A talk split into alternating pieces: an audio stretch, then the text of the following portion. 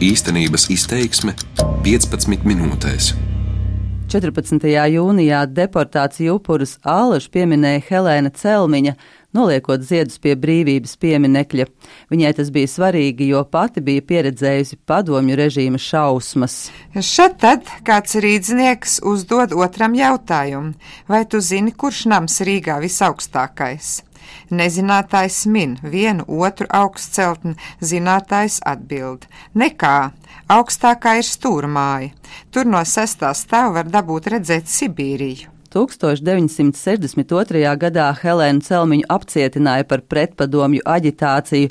Vispirms viņa izcieta vietējo čekistu nežēlīgās metodes stūra mājā, tad tika notiesāta uz četriem gadiem spaidu darbos Mordovijas lēģerī. Par pārdzīvoto viņa sarakstīja grāmatu Sievietes PSRS cietumos, kuras fragmentus pati arī ielasīja Radio Brīvā Eiropa. Tagad tos var noklausīties arī Latvijā, jo daļa no radioarkīva kā dāvinājums nonācis Latvijas Nacionālās bibliotēkas rīcībā. Mani sauc Baiva Kušķa, un raidījumā īstenības izteiksme piedāvāja nelielu ieskatu Helēnas Celmiņas dzīvē, viņas pašas lasījumā. Viss notiek pēc noteikta šablona. Ierodās mājās, izdara kratīšanu, tad sēdina automašīnā, atved uz dežūru telpu, tur atņem gradzenus, pulksteņus un visu, kas cilvēkam pieder. Tad ievieto vieniniekā, noklaudz durvis, un cilvēks paliek viens ar savām domām. Pēc apcietināšanas Helēna Celmiņa stūra mājā pavada desmit mēnešus, iepazīstot visrafinētākās pratināšanas un pazemošanas metodes, ko izmanto vietējie čekisti. Tad seko mēnesi garš ceļš pa tā saukto etapu uz Mordovijas stingrā režīma labošanas darbu nometni. Tur priekšā jau vairākas latvietes, viņu vidū Erna un Rita. No darba zonas nāca visas sievietes. Lielākā daļa nāca lēnām, nogurums bija jūtams katrā solī. Paskats bija diezgan drūms, visām bija melnās cietumnieču kleitas, šausmīgi bezformīgs, melns maiss ar piedurknēm. Tad Erna pasauca Ritu. Iepazināmies, un es šausmās skatījos uz Ritu. Kāda viņa izskatījās, to ir grūti aprakstīt. Viņa bija vēl jauna, bet seja bija vaska krāsā, un ja nebūtu spožo kustīgo acu, tad varētu padomāt, ka tā ir balzamēta miroņa seja. Iespējams bija, it kā dzeltens pergaments būtu pārvilkts galvas kausam, sejas panti bija sīki, glīti, bet spožās acis likās nedabīgi lielas. Jūs laikam ilgi jau te esat, es līdzjūtīgā balsī pajautāju. Labu laiciņu, esmu jau nosēdējusi. Kad Rita pasmaidīja, es ievēroju, ka viņai visi zobi tumši pelēka metāla. Tas izskatījās ļoti nedabīgi. Jaunai sievietei visi zobi bez izņēmuma metāla. Es nenoturējos un pajautāju, kas jums ar tiem zobiem? Jums te apcietinājumā tādus taisīja? Jā, jo man čekā pie pratināšanas viņus izsita. Kā izsita visus reizē? Jā, visus reizē ar vienu sitienu. Un šitos ielika vietā turpat Rīgā? Kur nu? Tos man ielika Sibīrijas nometnē. Ceturto latvietu nometnē man ērna parādīja pie vakariņu galda. Seja pilnīgi bez jebkādas izteiksmes. Viņa arī bija 25 gadniece, un varēja redzēt, ka viņai viss ir pilnīgi vienaldzīgs. Man kļuva ļoti neomulīgi, pavērojot almu tās nedaudzās minūtes. Viņa kustējās kā robots, kas dienu dienā gadiem ilgi izdara vienas un tās pašas kustības. Laikam var notrunāties līdz tādam stāvoklim, kad nekas vairs netraucē, nekas vairs nepārsteidz. Var redzēt, ka viņai ir pilnīgi zudusi interese uz visu dzīvi, uz ārpasauli, nerunājot nemaz par to, kas notiek tepat uz vietas. Helēna Celmiņa ir cietumnieču grupā, kuras strādā lauku darbos. Darbu nepārtrauc arī lietu, un ir ļoti dīvains skats, ka tad pa sieviešu stilbiem tek melnas straumītes, jo maisveidīgās kleitas met krāsu. Vasarā galvenais darbs ir kāpostu audzēšana, jo kāpostu zupa ar plaušām nemainīgi ir cietumnieču galvenais ēdiens. Vienīgā atšķirība cietuma zupai bija tajos gadījumos, kad pavāri bija zupu joku smīlot piecūkojuši.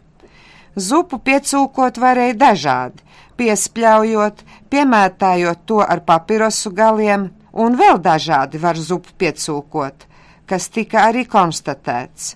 Vienu varēja teikt droši, ka nometnē, kurā vārīja ēdienu mums, bija izvesta pamatīga aģitācija pret mums Nereti iznāca satikt apcietinātos vīriešus, kurus tāpat ar sargiem un ar suņiem veda lauku darbos.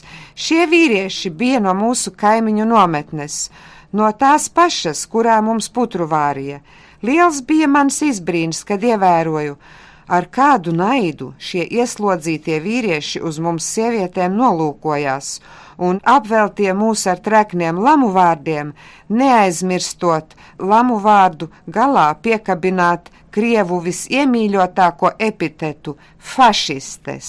Izsaukums ir nemitīgs pavadonis, tāpēc īpaša vērtība, piemēram, ir darbs sīpolu laukos, jo sīpols var sēsties uz vietas, kā arī pa klusu aiznes draudzenēm uz zonu. Sīpols slēpšanā ar īpašu atapību izceļas kāda skolotāja no Lietuvas, kura vienā reizē tomēr iekrīt uzraudzes lamatās. Visiem pa lielu izbrīnu! Uzraudze piegāja skolotājai, paskatījās uz viņu, Tad iebāza roku skolotājs matu sakārtojumā un sāka no turienes ņemt ārā sīpolus vienu pakaļ otram. Pavisam tur atrada sešus nelielus sīpoliņus. No malas skatoties, tas izskatījās apmēram tā kā cirku iluzionistu uzvedumā, pie kam iluzioniste šī gadījumā uniformā terptā cietuma uzraudz apmierināti smaidīja. Helēna reiz paņem līdzi uz lauku akvareļkrāsas un noķer brītiņu, lai uzzīmētu dabas skatu ar siena gubiņām uz meža fona.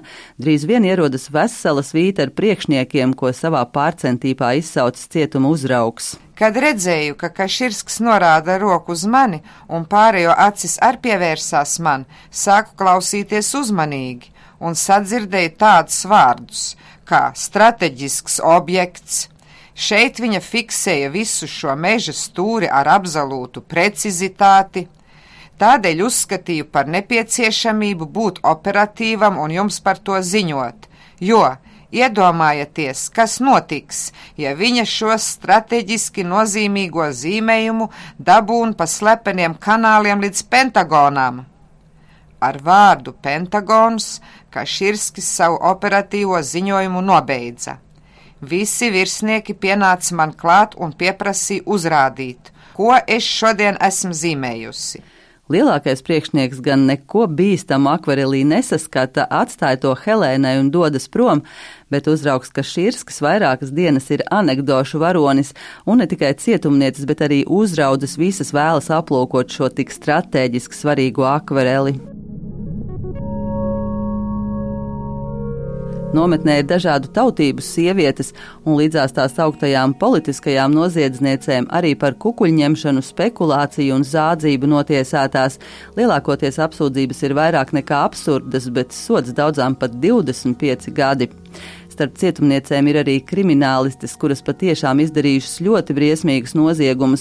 Viņu vidū Aņa, kas divus cilvēkus augstasinīgi nogalinājusi ar cirvi, kā arī Vaļa, notiesāta par slepkavību kanibālismu.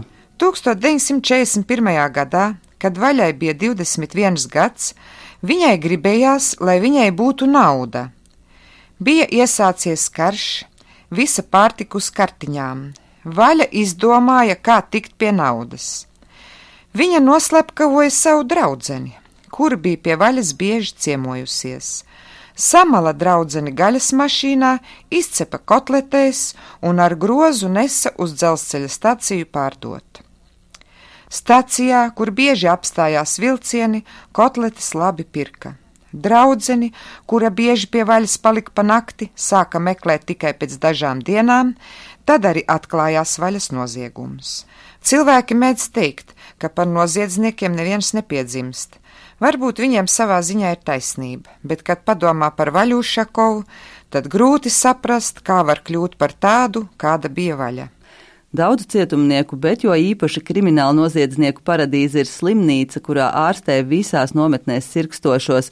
Lai tur nokļūtu, viņi ar saviem ķermeņiem dara visneiedomājamākās lietas, no arī karotes, termometrus, šaha kauliņus un citkārt pat sev kaut ko uzšķērš. Viens diezgan pazīstams veids ir Kādā strīdā vai dusmu uzliesmojumā viņš parauj kreklu uz augšu un zibens ātrumā pārvelk sev pār vēdru ar žileti, jeb nāzi un izlaiž savas zarnas ārā. Katrs, kurš to dara, zina, ka tas nav dzīvībai bīstami un ka viņu glābs. Pie tam tiks slimnīcā.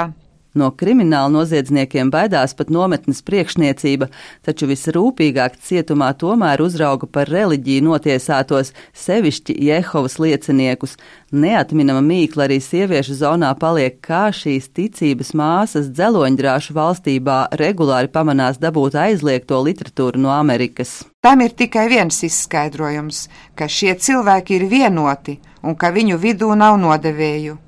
Ja ir kāda saujiņa cilvēku, un ja viņos nav šķelšanās, ja viņi ir viena vienība, tad var paveikt brīnumus.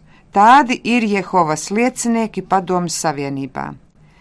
Nometnē viņām bija vissliktākais stāvoklis, jo viņas nepārtraukti uzmanīja un novēroja tieši literatūras dēļ. Reliģiskajos svētkos no karaspēka daļas atved pat bruņotus karējuļus, lai uzraudzītu Jehovas liecinieces, taču arī tas viņām nav šķērslis svētkus tomēr pieminēt. Kā jebkuri reliģiski svētki, iesākās ar dziesmām. Kāda no viņu vidus uzņēma toni un visas sāka dziedāt. Nebija vēl dziesma līdz galam nodziedāta, kad atvērās vārti un iesoļoja armija. Ar viņiem reizē nometnes priekšniece. Priekšniece pienāca dziedošo sieviešu grupiņai tuvāk un pavēlēja izklīst. Neviena neklausījās un tikai dziedāja tālāk. Priekšniece tikko valdījās, tad viņai radās jauna ideja. Es pavēlēšu šaut, viņa uzvaroši noteica. Nekādas reakcijas no māsu puses nemanīja, viņas mierīgi turpināja dziedāt. Es viņas vēroju un apbrīnoju, cik viņas ir apgarotas un izskatījās pat laimīgas, tā stāvot kopā ciešā bariņā un dziedot savas garīgās dziesmas. Tie bija fragmenti no Helēnas Celmiņas grāmatas Sievietes PSRS cietumos viņas pašas lasījumā. Par ļoti svarīgu laikmetu liecību tos uzskata kādreizējais radio brīvā Eiropa redaktors Viktors Strunskis, kurš labi atminas Helēnu Celmiņu no viņas Ņujorkas posma un viņas aktivitātes stāstot arī Amerikas sabiedrībai par padomju režīma nodarījumiem šī grāmata palīdz iepazīt laikmetu. Kāpēc tas ir svarīgi? Tāpēc, ka tā nometne, kurā viņi sēdēja, tā ir tā bēdīgi slavenā nometne ŽH 385, kas joprojām eksistē. Mordovijā, Dubrovlag, joprojām tur sēž sievietes, teiksim, drusku savādāks varbūt tas profils ir mainījies, bet tas, ko Helēna Celmiņa dokumentējusi savā grāmatā, tas ir faktiski joprojām lielā mērā spēkā. Redzat, latviešu valodā šis ir unikāls darbs, kas nevien palīdz saprast to gadsimta noskaņojumu, bet arī dokumentē. Dokumentē to, kas ir bijis, un tas šodien ir ļoti svarīgi, jo gulāga liecības gan par latviešiem, gan par visiem citiem cilvēkiem, kas tur bijuši ieslodzīts, viņas tiek iznīcināts pašreiz. Šodien atnāca ziņa par to, ka Krievijā lēnā garā ļoti uzmanīgi no 2014. gada šādas liecības. Vienkārši šie dokumenti tiek visi iznīcināti. Un tāpēc šim dokumentālajam stāstam ir tik liela nozīme manās acīs. Pēc atbrīvošanas no lēģera Helēnu Celmiņu izraidīja no Padomju Savienības. 17 gadus viņa nodzīvoja piespiedu emigrācijā, līdz 90. gadu sākumā atgriezās Latvijā. Pērnā gada sākumā viņa aizgāja mūžības ceļos. Viņas grāmata Sievietes PSRS cietumos dienas gaismu ieraudzīja 1980. gadā, kad Stokholmā to izdeva Latviešu Nacionālais fonds, pēc tam tā piedzīvojusi vairākus izdevumus gan latviešu, gan angļu valodā. Izskan raidījums īstenības izteiksmi to veidoja Baiva Kušķa, Justīna Savicka un Krišjāns Stikāns.